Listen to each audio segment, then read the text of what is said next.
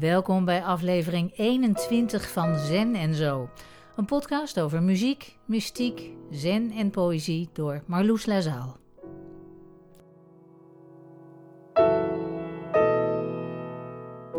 Vandaag is mijn gast zanger, liedschrijver, kleinkunstenaar en theaterman Flip Noorman. Hij studeerde aan het Rotterdams Conservatorium en filosofie aan de UvA. Hij won in 2014 de Wim Sonneveldprijs voor zijn programma Belse Parese en vanaf daar gaat zijn carrière in een gestage lijn omhoog. Hij maakte twee eigen theaterprogramma's met bijbehorende albums, Make-up en The Big One. En naar aanleiding van het overlijden van Leonard Cohen in 2016 maakte de bejubelde show Flip Norman zingt Leonard Cohen, die in september van dit jaar weer te zien is, met naast de originele songs van Cohen ook een flink aantal eigen vertalingen. Zijn meest recente productie is Amor Fati, een muziektheatervoorstelling die nog tot en met 31 januari online te bezoeken is via theaterwalhalla.nl. Zijn voorliefde voor Leonard Cohen en het geniale idee om een voorstelling de titel Amor Fati, oftewel Heb je lot lief, mee te geven, maken dat ik op weg naar Rotterdam ga en daar spreek ik Flip Norman in zijn werkruimte in het Batavierhuis. Het Batavierhuis, ja, Ja. klopt. Een prachtige plek. Echt fantastisch, ja. En je hebt hier, eh, ik zie jouw instrumenten, piano's en een trompet zie ik in ieder geval al. Want ik begrijp dat je hier ook je muziek eh, maakt. Ja, dat klopt. Dit is, eh, dit is mijn werkplek waar ik schrijf en ontwikkel en dus ook muziek maak. Want ben je nu ook aan een nieuwe nummers bezig of aan al, alweer aan een nieuw programma? Eh, ik ben eigenlijk om mijn programma wat dus net online is uitgevoerd, om die nu te, om te schrijven naar een eh, bandprogramma. Dus dat we met de band dat kunnen gaan spelen. In principe zouden we daar al eind januari mee beginnen om daarmee te toeren. Maar dat is dus eh, tot de 9e, denk ik, 9 februari uitgesteld. En eh, dus officieel gaan we de tiende, hebben we alweer de eerste staan. Maar ja, goed, we weten. De ontwikkeling van Amor Fati werd door corona wel erg op de proef gesteld. Van een theatervoorstelling met publiek via een livestream werd het uiteindelijk een online theaterbeleving. Die je, volgens de 5-sterren recensie van het NRC, dwars door je beeldscherm trekt. Een fragment uit de trailer. Willkommen, bienvenue, welcome. Dit gaat u onthouden. Elk sprookje loopt slecht af als je het maar lang genoeg doorvertelt. En dan hebben we het over Amor Fati, hè? Ja, klopt. Amor Fati. Het begrip dat eh, de filosoof Nietzsche eigenlijk populair heeft gemaakt. Ja, Heb je lot lief? ja. Hoe kwam je op het idee om dit thema voor een muziektheatervoorstelling te gebruiken? Nou, ik ben zelf altijd al heel eh, gefascineerd door Nietzsche. Ik vind het een fantastische filosoof. En wat ik er altijd eigenlijk heel erg aansprekend aan heb gevonden... is een provocatieve stijl van schrijven. Dat hij, eh, dat hij dacht van, nou, ik ga er eerst maar eens met een hamer op slaan... en dan hoor ik tenminste hoe het klinkt. Dus dat vind ik als kunstenaar vind ik dat een heel fijn eh, gegeven om af en toe te hanteren. Maar wat ik zo mooi vond ook in deze tijd... eh, waar iedereen meer zoekt naar verzachting en troost dat juist zo'n uitgesproken provocateur, om het maar zo te zeggen, met zo'n liefdevolle uiteindelijke tagline van zijn leven eh, kwam, namelijk Amor Fati. Heb het lot lief. Je moet je lot niet eens accepteren. Je zou het zo moeten beleven dat je tot in den eeuwigheid opnieuw zou willen beleven. Dus je moet je lot niet eens accepteren, je moet hem willen. En ik vond dat een heel mooi het gegeven in deze tijd. Ik vond het een andere, andere kant van troost geven. Dat, dat het, het zit, zit wat meer ballen in of zo dan dat het ons allemaal maar overkomt. Er zit, er zit een soort van acceptatie van wat er is in, maar er zit ook nog steeds het activisme in van wat Nietzsche zo beroemd heeft gemaakt. En dat vond ik een heel fijn gegeven in deze tijd. Van, tuurlijk, we, het is allemaal verschrikkelijk wat ons overkomt, maar het biedt ons ook een kans om te bezinnen van waar we mee bezig zijn geweest. Willen we dit tot in den eeuwigheid herbeleven? En zouden we dat moeten willen? Ja, ik vond het zo bijzonder, want ik eh, sloeg er gelijk op aan, zeg maar, toen ik die titel zag. Ik denk, ja, wat een goed idee. Eh, Maar het grappige was dat ik een soort ingetogen, filosofisch, bespiegelend programma verwachtte van een kleinkunstenaar, zanger, liedjeschrijver, die zich eh, bij zijn coronalot had neergelegd. Maar, maar niets van dat al in de Nee. voorstelling over nou ja, heel in het kort, uh, uh, een poppenspeler die een geliefde vindt, Amor, maar die, die, die kan hij niet alleen krijgen, want als hij dat wil, dan moet hij Fati, een andere vrouwelijke rol, Ja. erbij op de koop toenemen, eigenlijk. Ja. Ik vond het zo leuk dat je Amor Fati echt in twee personages hebt verdeeld. Dat had, dat had ik echt niet kunnen bedenken. Ik heb er met heel veel genoegen naar zitten kijken. Er gebeurt van alles en prachtige muziek ook. En, en het is ook zo bijzonder dat je het gewoon thuis op je bank door je scherm zit te kijken en dat er toch heel veel te beleven valt. Hè, Ja. Want er valt natuurlijk die, die fysieke, dat fysieke aspect valt weg. Maar ik dacht, Amor Fati heb je lot lief. Dat is iets wat je zelf doet Ja. zo uitgewerkt in die personages, is het lot iets wat je nou eenmaal eh, erbij moet nemen. Ja. Dus daar zit niet zoveel eigen keuze in, leek Ja. het, voor de hoofdpersoon. Hoe zie jij dat? Nou ja, ik, ik ben zeer gefascineerd door allerlei vrije wils eh, vraagstukken en eh, wat keuzevrijheid is voor een mens. Wat ik met dit stuk eigenlijk wilde eh, bewerkstelligen is het snijvlak tussen datgene wat je niet kan veranderen, moet je lief hebben. En datgene wat je wel kan veranderen, daar zou je activistisch bijna voor moeten gaan. Dus het, die paradox die je voelt, die zit er ook in. En ik denk dat kunst eh, er ook voor is om die vraag te blijven stellen in plaats van hem volledig eh, te beantwoorden. Want dat antwoord, eh, als ik dat zou hebben, dan eh, had ik hier waarschijnlijk niet gezeten. Dan was ik predikant geworden. Had dat ook gekund? Nou, mijn overopa was predikant, Oh, dus het echt? zit in de familie ergens. Maar ik heb zo'n hekel aan religie. Ja, nou, dat vro- vroeg ik me af. Want in jouw vorige voorstelling, nou nemen we even een grote, grote stap. Maar in eh, The Big One, daar ben je ook een soort spreekstalmeester, annex volksmenner, annex priester, predikant. ja, Die mensen opzweept tot van alles en nog wat. Ja. Niet, niet per se alleen maar goede dingen. nee, Eh. zeker niet. Integendeel. Ja. Nou, en, en eh, ik heb de voorstelling helaas niet gezien, maar ik heb wel de muziek geluisterd. Dat wordt op een gegeven moment zo heftig en, en zo intens dat het, dat het bijna als luisteraar dat je denkt, nee, dit kan ik niet meer hebben. Ik dacht wel, jeetje, heb jij een heel naar religieus verleden misschien? Nee, helemaal niet. Ik, ik, heb, ik heb moeite met dogma's. Dat denk ik dat ik dat heel erg sterk voel. En die preek die was ook, hoe heet het, ontstaan eigenlijk uit een veel humoristischer eh, concept. Namelijk, ik heb heel lang in de Laurenskantorij eh gezongen. Dat is een kantorij in Rotterdam eh, van de Laurenskerk. En ik ben goed bevriend geraakt met de, de organist van de Laurenskerk, Hajo Boerema. En die zei, nou, wij moeten een keer met Halloween, moeten we gewoon een keer daar de kerk overnemen. En toen dacht ik, ja, is het niet vet om gewoon de meest oud-testamentische, meest apocalyptische preek te gaan geven daar in die kerk.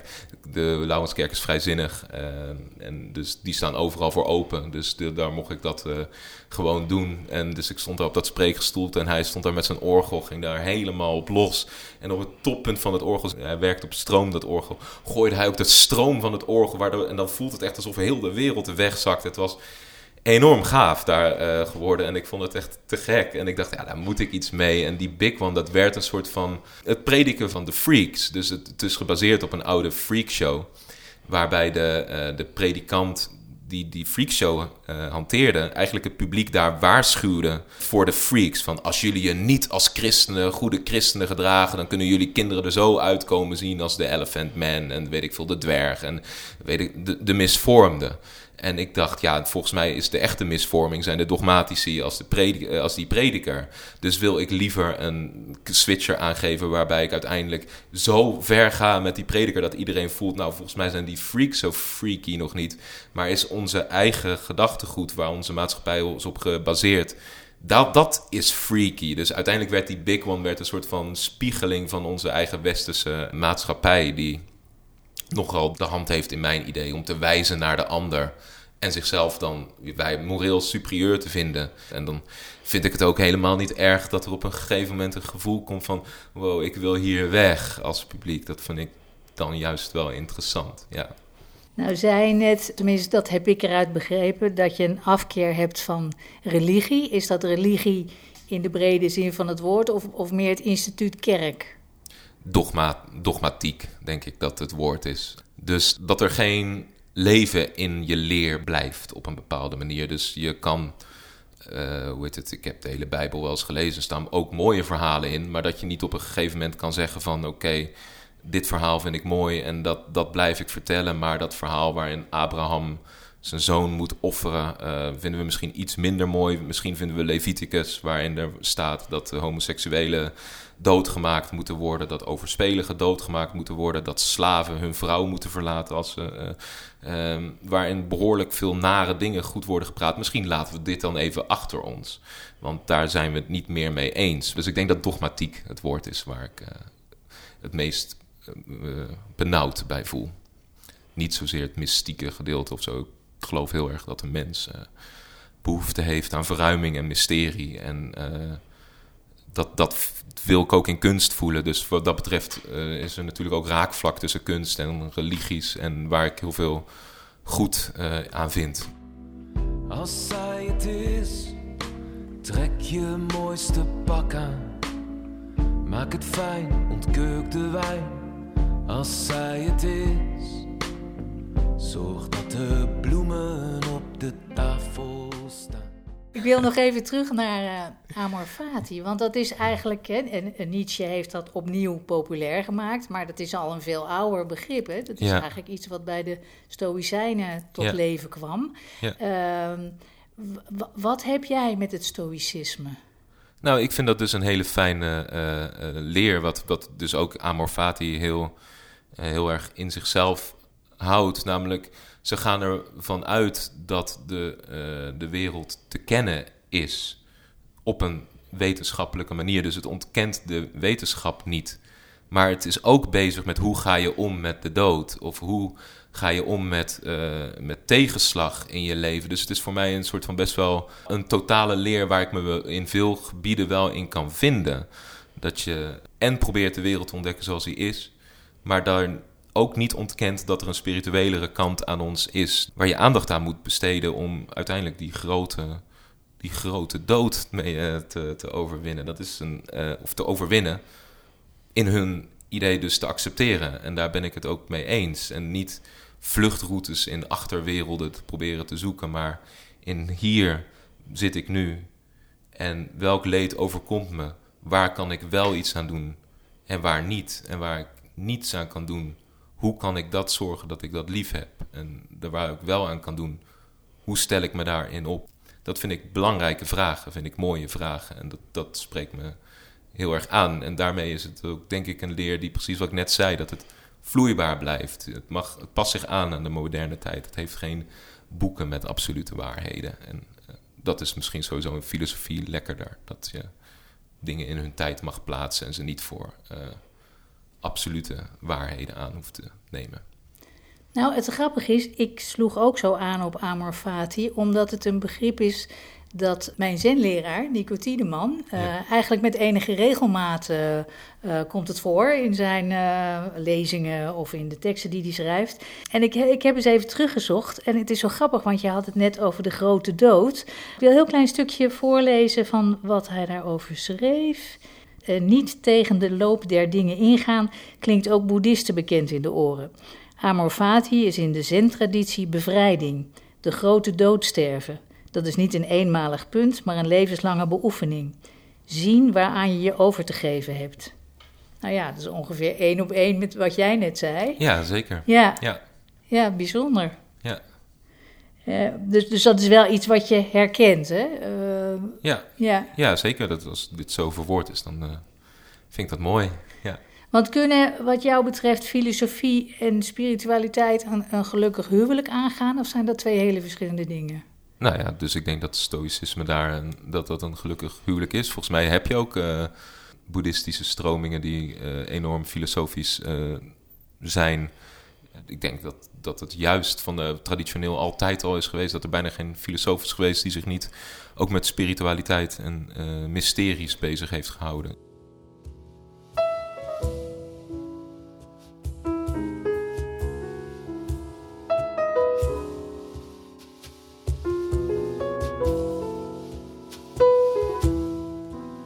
Jouw eh, fascinatie voor filosofie komt niet zomaar uit de lucht vallen, want je hebt echt een hele studie filosofie afgemaakt. Ja, mijn, bachelor heb ik afgemaakt. Ja. Ik zat dus op het conservatorium en ik, Uh, ik werd op een gegeven moment gek van mensen die zo die muziek zo aan het ophemelen waren. Alsof we daar de wereld aan het verbeteren waren met z'n allen. Terwijl ik dacht, nou, we zijn gewoon lekker muziek aan het maken met z'n allen. Maar het werd heel pretentieus soms over gepraat. Dacht ik, nou, ik moet er even iets naast gaan doen. Ik moet gewoon naar de, iets aan de universiteit misschien maar gaan doen. Toen dacht ik, ik ga filosofie doen, want dat sprak me naïef, op een naïeve manier misschien aan. Maar ja, dan kom je op een plek waar het niet per se minder pretentieus wordt en doen alsof ze de wereld niet aan het verbeteren waren. Dus ik zat toen uiteindelijk twee studies te doen waar dat aan, aan de gang was. Al was het wel heel erg lekker om die afwisseling te zijn, maar het kwam ook van alle kanten van, ja, wat ben je nou aan het doen? Van, nu ben je dadelijk conservatorium aan het doen en filosofie, dan ben je twee keer werkloos, zeg maar. Dat is, schoot allemaal niet echt op. Maar uiteindelijk vind ik wel, heeft het wel heel erg elkaar versterkt. Maar ik was dus uiteindelijk ook logica gaan doen, omdat ik bij filosofie er helemaal gek van werd. Van, dan had je een supergoed opstel geschreven of een uh, tentamen gemaakt en dan kreeg je een 8. Maar geen aanwijzingen, geen dingen, maar dan kreeg je een 8. En dan dacht ik, ja, maar dan, dan is het toch goed. Ik ben misschien van mezelf toch ook een beetje een dogmatisch denker. Dat ik dan goed is goed, dan wil ik gewoon een 10.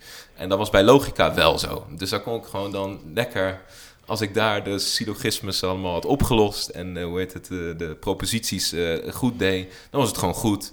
En dan was het goed en dan was het een 10 en dat was klaar. En dat vond ik dus uiteindelijk wel weer lekker helder. Dus dat was, toen ben ik maar voor logica gegaan. De zon verdrinkt in de bergen. Ik draag de poten van het beest. Het zal wel weer een noodlot vergen. Je was hier anders niet geweest. Ik zie je woede en je vragen, je ambitie, je talent. Je kan mijn ogen niet verdragen omdat je steeds verraden bent. Ik wil heel graag naar jouw uh, liedteksten. Want jij schrijft uh, prachtige liedteksten, moet ik zeggen. Dankjewel. Die bijna wel uh, net zo mysterieus zijn als die van Leonard Cohen, waar we straks op komen. Ja. Nou, ik, ik heb een voorbeeld, want dat wil ik heel graag ook een stuk van laten horen. Mm -hmm. Ondergaan. Vind je het goed als we daar nu even naar gaan luisteren? Zeker, ja. Er zijn onnoemelijk veel slangen, neem dit van de echte aan. De zon was nooit meer opgekomen als zij niet onder was gegaan. Laat me je helpen om te sterven, te vervellen, op te staan. Want wil je vliegen als een vlinder, dan zal je zingen als een zwaan. Ja, wil je als de zon opkomen, dan zal je onder moeten gaan. Ondergaan van Flip Norman uit zijn programma The Big One. Een quote uit de tekst. Er zijn onnoemelijk veel slangen, blijf ver van hun verlichting vandaan. De zon was nooit meer opgekomen als hij niet onder was gegaan. Er zijn onnoemelijk veel slangen, maar neem dit van de echte aan. Wil je vliegen als een vlinder, leer dan sterven als een zwaan. Mooi. Ja, dank je. nou, en ook best raadselachtig. Ja, nu wil je dat ik het mysterie ga oplossen? Wat Nou, kan je een tipje van de sluier op? Nou, ik vroeg me vooral af, voor wie? He, want je, je spreekt iemand aan hiermee. Ja. Is dit je hele publiek of iemand specifiek? Of iemand die je wil opbeuren of meeslepen? Of... Ja. Uh, ja, het wordt een beetje privé dan misschien. Maar ik heb het origineel een beetje geschreven voor Hassan. Dat is uh, de oude bassist van mijn band. Dat een hele goede vriend van me is. Maar waar ik ook wel eens af en toe uh, in de clinch kon liggen. Dus daar voelde dit nummer heel gepast voor. Maar waar het uiteindelijk voor mij gaat, het is gewoon een deal with the devil of zo. Het is een Faust verhaal. Dus een, een duivel die, die tot iemand spreekt van... Ik zie wat je kan. Ik zie wat je talenten zijn. Maar je wordt door allerlei verkeerde mensen... Je door slangen word je uh, meegenomen. Maar ik ben de echte slang. En ik weet het. Wat er gebeurt. Je moet voor een soort van ultieme sacrifice gaan. Het is eigenlijk gewoon... Ga voor mij sterf desnoods. Maar als je niet sterft, kan de zon ook niet meer opkomen. Daar zit de kracht. Als je er vol voor durft te gaan, in plaats van alles een beetje half. Of het, het is een raadselachtige tekst, maar ik vind het ook een heftige tekst altijd. Ik vind het altijd moeilijk om daar... Ja, dat, dat kan ik me ook voorstellen. Maar het, het, eh, hè, want ook in, in, in meer stukken van jou, of liedjes en teksten, eh, voelt als een soort apocalyptische levenslust. Een soort Ja. continu dansen op de vulkaan of zo. Elke dag alsof het je laatste moment is. Helemaal eh, op een bepaalde manier lekker. Ja. En ik moet eerlijk zeggen, maar goed, ik ben ook bijna 60. Ik denk, oh ja, dat, dat, dat was toen zo. Ja, ja, ja. Dan kregen we zo'n oma verteld. Nee, maar Nee, maar de- dat- wa- wat me ook weer denk, oh ja, tuurlijk, weet je, dat ik denk, ja, zo, dat, ja, helemaal tot het einde. Ontzettend heftig en met veel pijn en eh, Ja, dat ik ook denk, ach jeetje, ach jongen toch, dat komt ook een beetje op. Eh, nee, maar heb je dus regelmatig het gevoel van, eh, ja het, is, het is een soort van... Het is heel grappig, want ik ben een soort van twee, in tweeën gespleten. Want ik ben van, van nature ook best wel een schemerlamp. Dus dat ik, eh, dat ik echt mijn emoties... Mijn, ik, ik word niet heel verdrietig. Ik word ook niet heel vrolijk of zo. Ik vind alles echt helemaal oké of zo. Dus dat... eh, dus als, eh, als iemand eh, heel boos op mij is, dan denk ik: oké, laten we dit rustig bij mij blijven. Maar als je mij een prijs geeft of een goede recensie, dan denk ik: ja, dat is ook mooi of zo. Of een. ik weet het niet. Ik, ben, ik voel mijn emoties. Die emoties die blijven een soort van aan de oppervlakte. Maar op het podium dan heb ik een soort van plek waar ik een soort van beest kan loslaten. En dan heb ik, daar kan ik dan helemaal naartoe of zo. En die, die zit er dus, er zit een soort van... Je hebt van die Japanse manga-films waar er, waar er monsters in karakter, in een karakter zitten. En ergens voel, voel ik zo van... Ja, overdag de, ge- de zachtaardige schemerlamp. Maar op het podium, dan zit er een monster in en die laat het los. En nou ja, ik ben dan gezegend dat ik dan een podium heb waar ik dat kan doen. Nee, dat is ook heel fijn. Dat Ja. is een verademing. Want eh, in die zin ben je ook heel moeilijk te, te plaatsen. Als je het over kleinkunst hebt. Dan, dan, eh, hè, en ik hoor iemand Ja. met een conferentie en een liedje over, over eh, de, de, de politici op dit moment of zo. Wat allemaal heel leuk rijmt. Ja. Ehm, dat, dat zijn andere werelden. Ja, maar ik ben daar ook maar toevallig ingerold of zo. Dus dat, zoals ik al zei. Ik had net dat eerste album af en ik wist helemaal nergens van. Ik had twee jaar niet of nauwelijks opgetreden. En ik dacht, ik moet gewoon dit album aan de man brengen. Ik moet, ik moet live gaan spelen. Waar haal ik live optredens vandaan? En toen zag ik dat Amsterdamse Kleinkunstfestival met halve finale tour, 15 shows. Ik dacht, oh, halve finale, die ga ik halen. Dan heb ik 15 shows, kan ik mijn cd's eh, verkopen. En toen won ik dat. En toen werd dat een beetje je pad of zo waarin je loopt. Dus dan zit je in die kleinkunstwereld waar eh, die eerste paar jaar ook mensen naartoe kwamen. Oh, die heeft een cabaretprijs gewonnen. Dus we komen hier om te lachen. En die zaten me dan af en toe aan te kijken van... Waar ben ik nou toch weer beland? En ik zit hun aan te kijken van... Wat doen- jullie hier? Of zo, weet je wel. Dus er was een soort van... eh, mismatch nog tussen mij en mijn publiek. En kijk, ik, ik, ik heb mezelf, ik heb nooit iets met kleinkunst gehad. Ik ben daar niet mee opgegroeid. Ik ben daar niet. eh, ehm, ik heb die stijl nooit tot mij genomen totdat ik erin zat. Nu, nu ken ik het wel en zie, weet ik ook eh, dat er hele mooie artiesten tussen zitten die ik zeker bewonder. Maar het is nooit het vaatje geweest waarbij ik, waar, mijn, waar mijn bron zit. Dat zit veel meer in de poëzie en in de, eh, in de muziek. Gewoon in de, de ja, poëtische eh, muziek waarbij wel een soort van theatraliteit in zit. Waardoor ik dus ook wel snap dat, dat het wel in die kleinkunstwereld past of zo. Ehm, maar ja, ik, het is helemaal andersom gegaan. Ik ben gaan doen wat ik deed en toen werd ik opeens kleinkunstenaar. En dat is ook helemaal prima. Ik vind het helemaal, helemaal tof als de kleinkunst meer eh, breder wordt en ook mijn eh, genre kan behelzen. Maar in Amerika of zo bestaat dat hele genre niet. Dan ben je gewoon songwriter wat je doet. En in Nederland moet dat dan blijkbaar in het theater, moeten mensen eh, netjes zitten. En, maar dat, dat heeft voordelen en nadelen. Dus ergens ben ik dan een soort van in mijn eigen vijver aan het vissen. eh, waar niemand anders in vist. Aan de andere kant eh, zit er helemaal geen vis in die vijver. Dus dat, eh,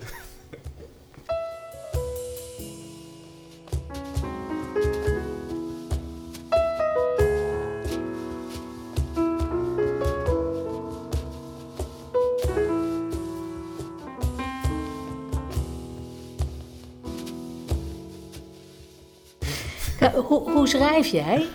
Kan, kan jij een tip geven voor aankomende tekstschrijvers? Of, eh, om, Eh, meestal als ik eh, weer begin met een nieuw project, dan begin ik gewoon. Want ik, ik ben niet zo dat ik elke dag kan schrijven en zo. Als ik aan het optreden ben en op een tour ben, dan ben ik eigenlijk niet zo, zo heel creatief. Dan moet ik me echt focussen op die avonden daar.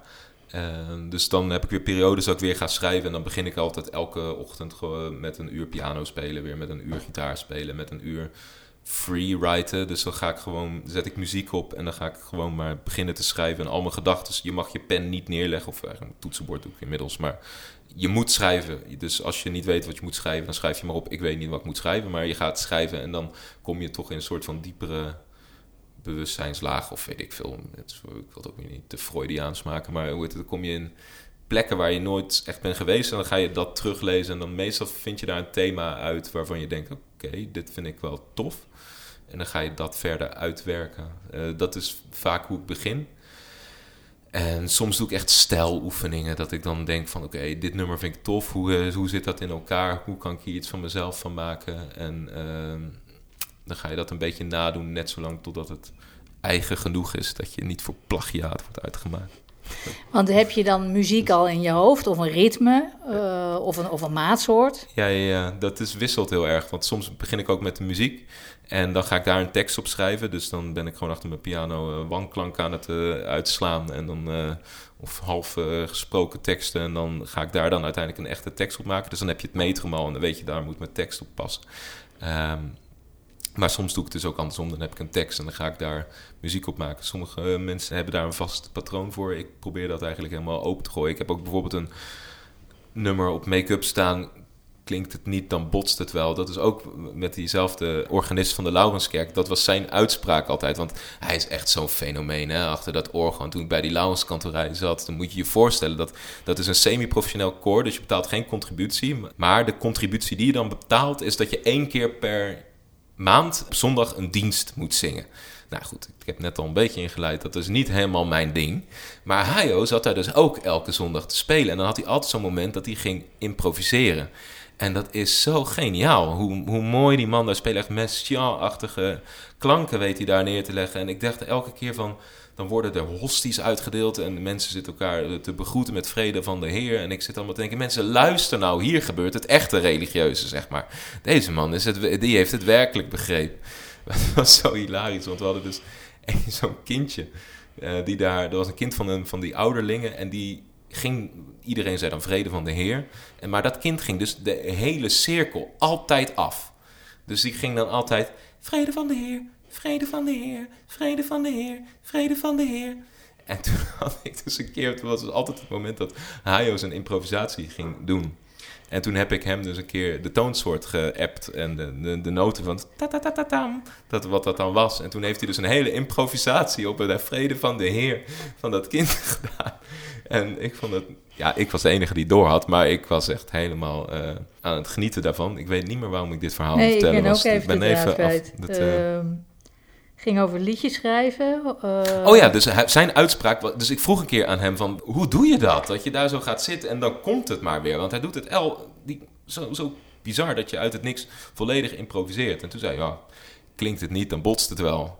En dat vond ik een verademende eh, uitspraak. Van, ja, er gebeurt altijd iets. Dus of het wordt mooi, maar of er ontstaat een botsing. En dat is ook iets dat er mag zijn. En dus dat nummer heb ik bijvoorbeeld gewoon, heb ik toen de muziek geschreven. En toen ben ik tien keer achter de piano dat gaan doen. En de tekst gaan improviseren. Elke keer opgenomen, al die teksten uitgeschreven. En daar een soort van dan iets uit gedestilleerd wat daaruit kwam. Dus ik probeer af en toe te zoeken naar verschillende vormen van eh, die teksten te schrijven. En ik probeer het meest zo symbiotisch met de muziek te doen. Dat het elkaar nog iets vertelt of zo. Dat het niet een tekst op muziek is. En dan denk ik vaak, ja, dan kan het ook alleen de tekst zijn. Of...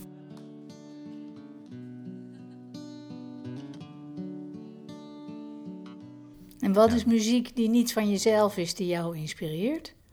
Zoveel, ja. Ja, Ik ben nu echt in een David Bowie fase.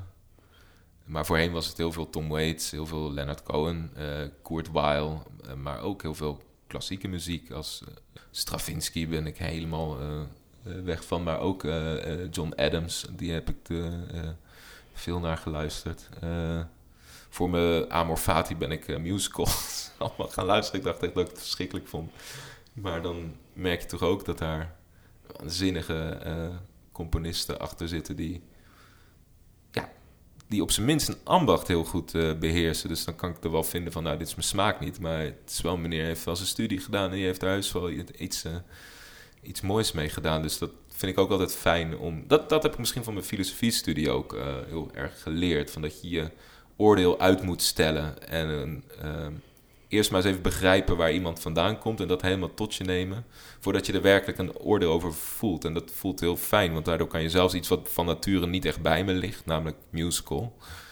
Of eh, ja, ja, Kurt Weill zou je ook een musical schrijver kunnen noemen, maar goed, moderne musical.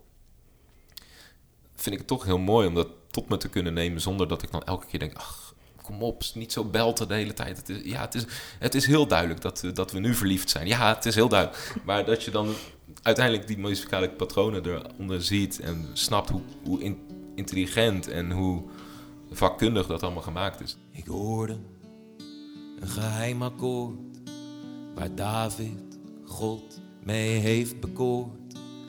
Maar jij zegt dat muziek niks met je doet, ja.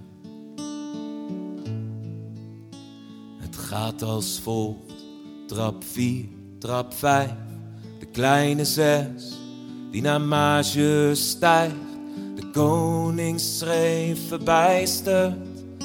Halleluja.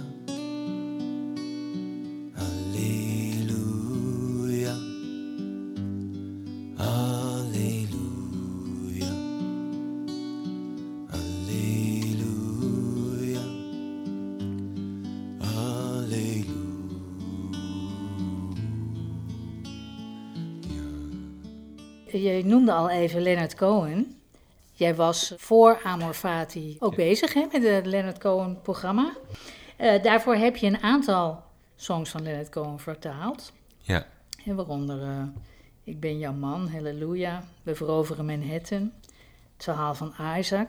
Vond ik te gek ook trouwens. Die vertalingen van jou vind ik echt super. Ja, zonder nou ja. te slijmen, maar er zijn natuurlijk veel mensen die, die zich daar... Uh, toch aan gewaagd hebben. Um, ik, ik, heb ook wel eens een poging gedaan, gewoon voor mezelf. En daar kwam ik totaal niet uit. Oh ja. uh, en ik heb ook een, best een aantal vertalingen gelezen, zo links en rechts. Ik dacht, nou, daar blijft niks van over eigenlijk. Maar je verstaat de kunst op de een of andere manier. De combinatie met, met, met de taal die je kiest, maar ook hoe je het interpreteert, ja. maken het weer zo'n eigen ding met, met minstens zoveel power als Leonard Cohen zelf. Uh, nou ja, nou ja minstens.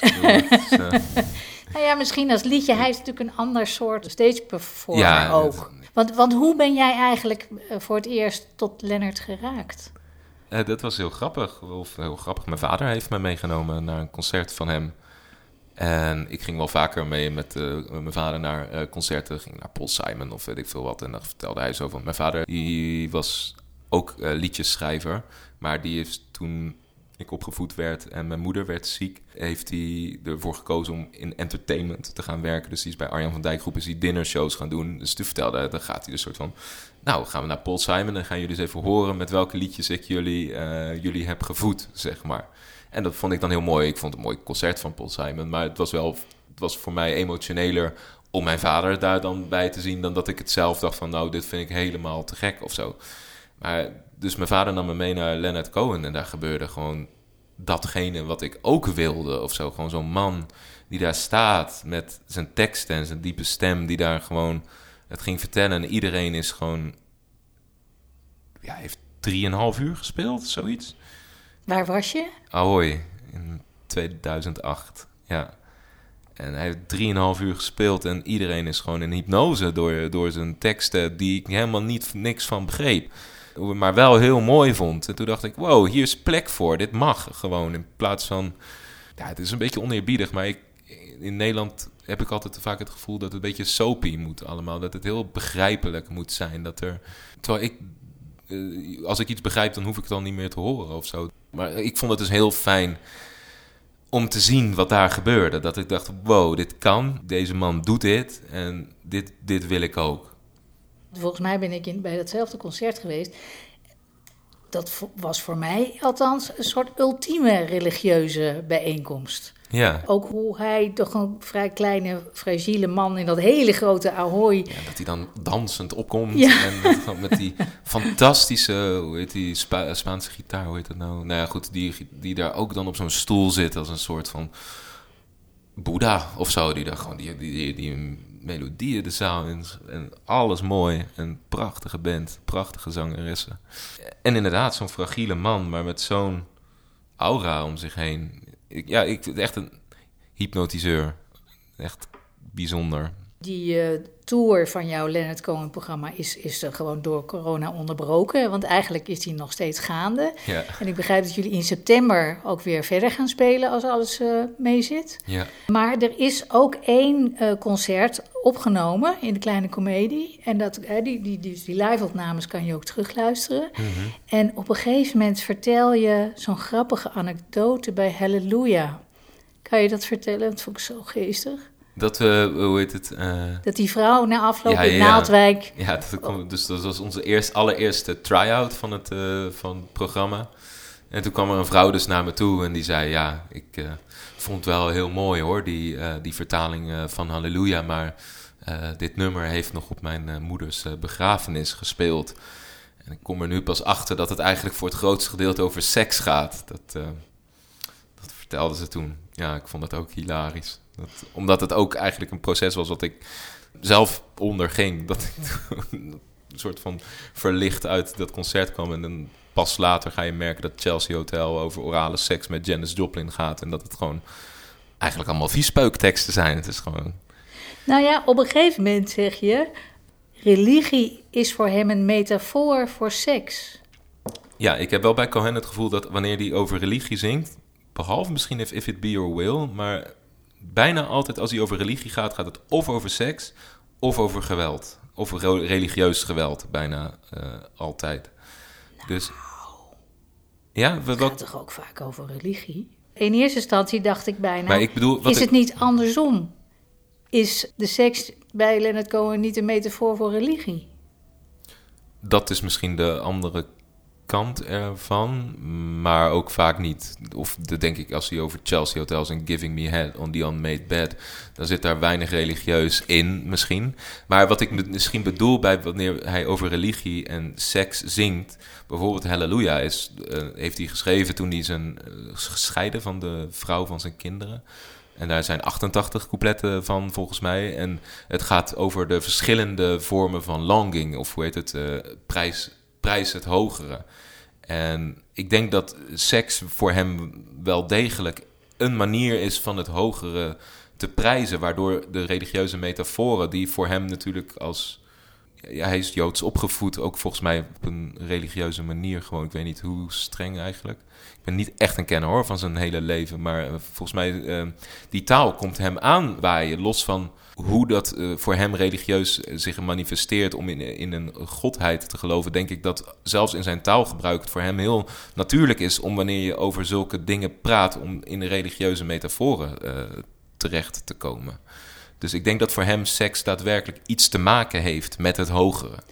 Ja, oké. Maar zeker later natuurlijk. Want ik- heb je ooit die documentaire gezien dat hij in Mount Baldy, eh, in dat zen-klooster is? Ik heb daar fragmenten van gezien. Ja, afgezien van, hè, want later is hij nog, een, eh, hij heeft heel lang natuurlijk zen beoefend, heel, Ja. heel intensief. En later is hij nog eh, in de Advaita weer terechtgekomen in India.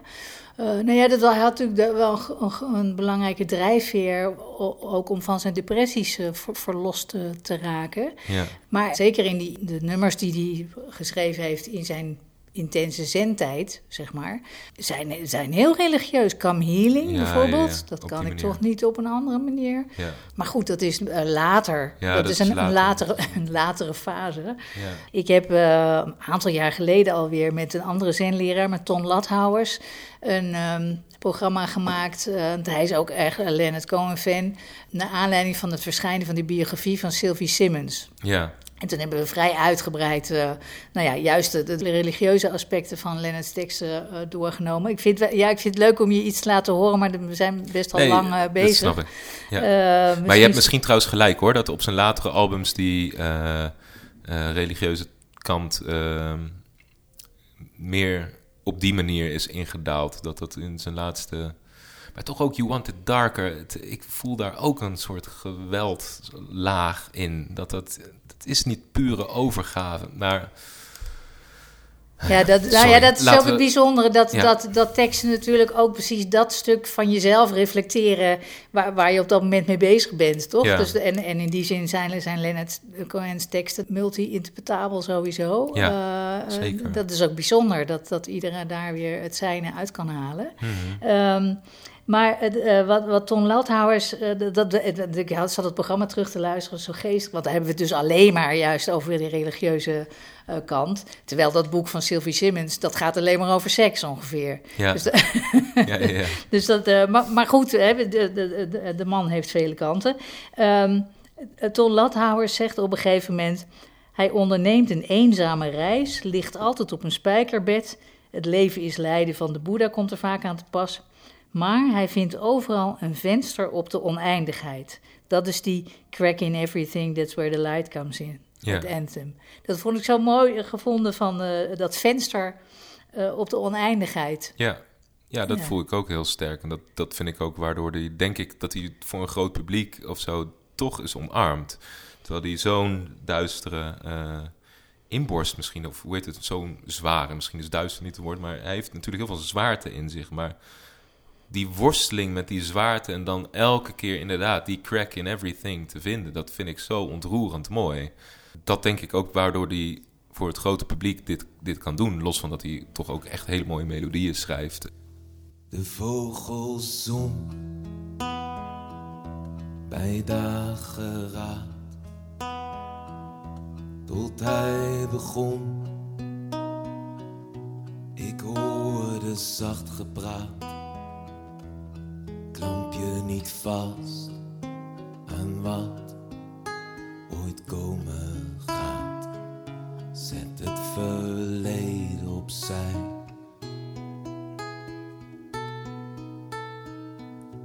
Oh, elke oorlog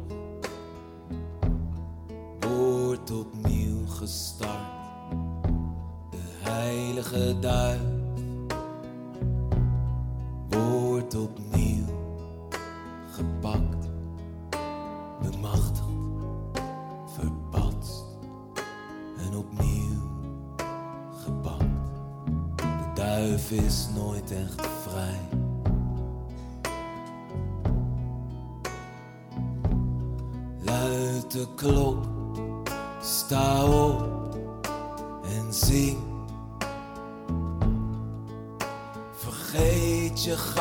gave opoffering. Er zit een barst in elke ziel, in elk ding. Zo kan het licht erin.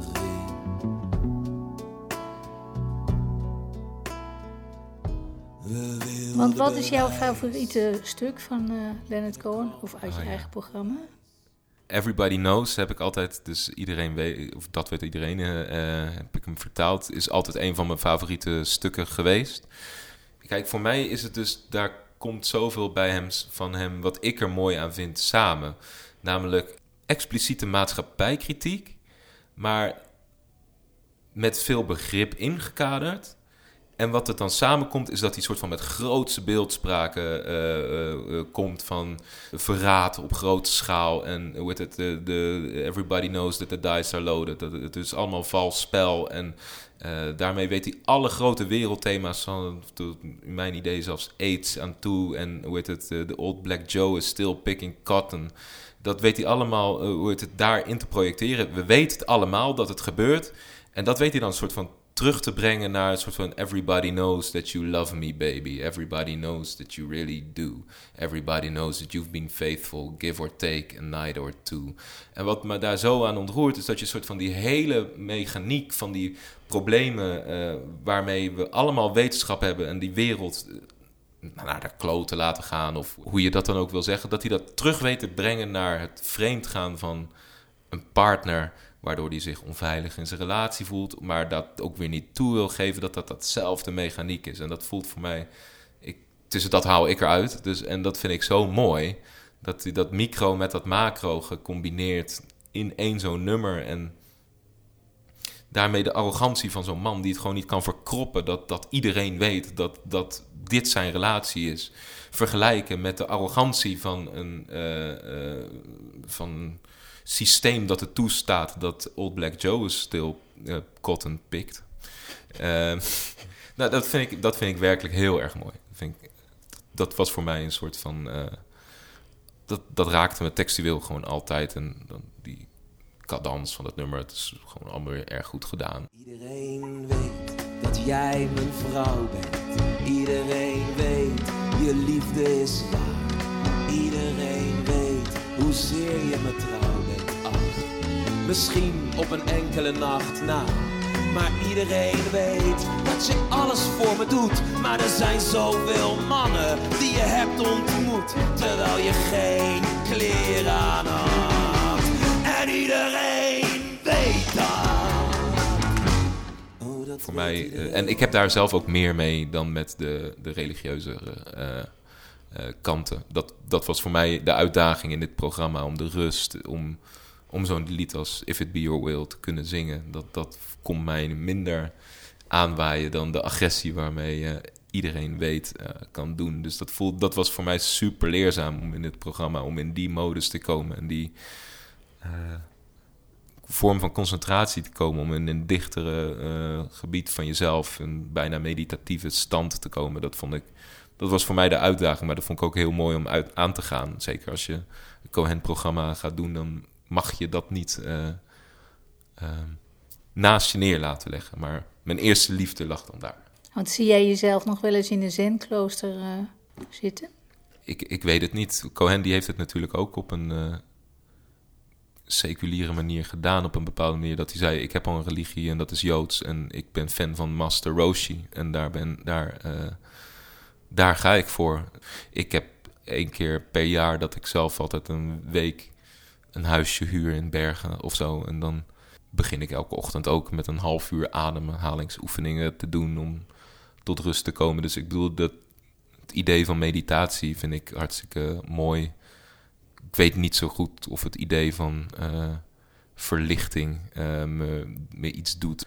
Zodra het naar dogmatiek gaat neigen, dan ben ik afgehaakt. Maar dat eh, meditatie, ademhaling, een mens kunnen steunen, helpen en eh, beter of lekkerder in het leven kan laten staan, daar, daar geloof ik helemaal in. Dus ik denk dat een zenklooster daarvoor een plek kan zijn.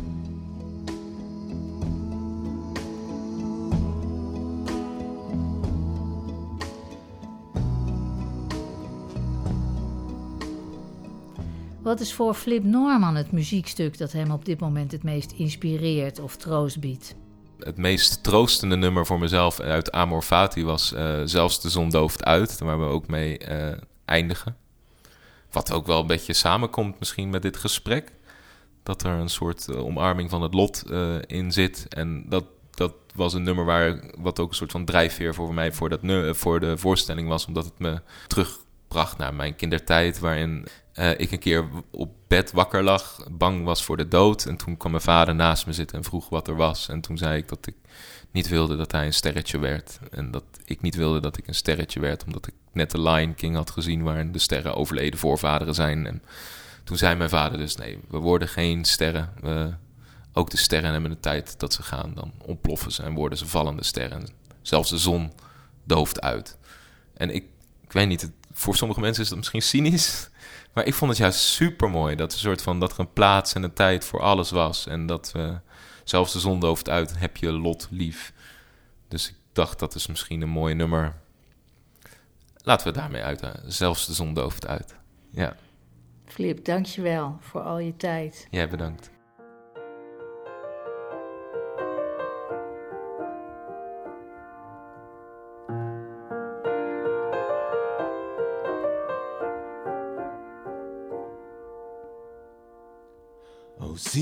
Geen weg terug op een doodlopend pad.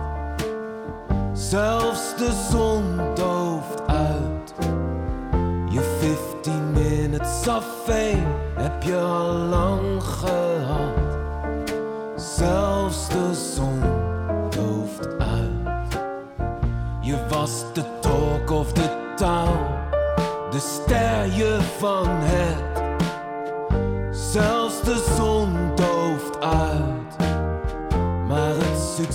bleek slechts het dansen op het puntje van een mes.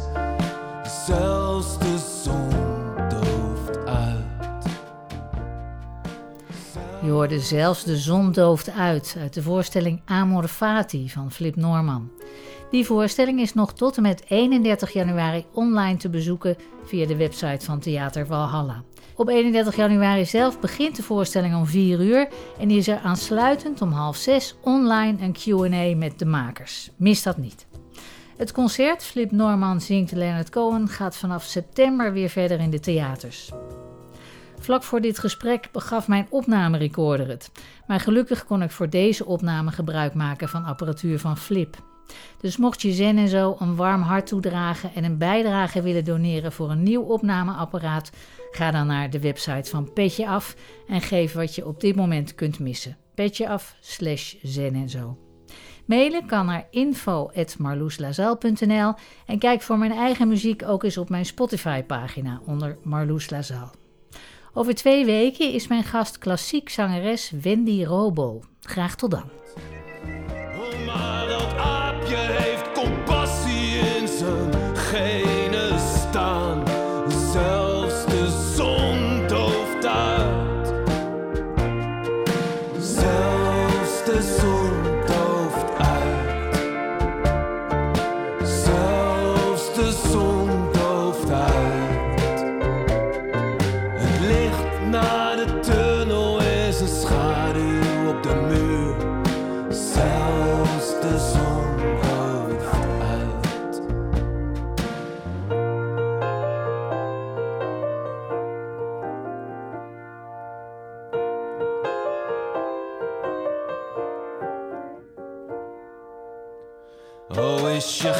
Glitterfilter zelfbeeld door het sepia geveld? Zelfs de zon dooft uit. Elk sprookje loopt slecht af als je maar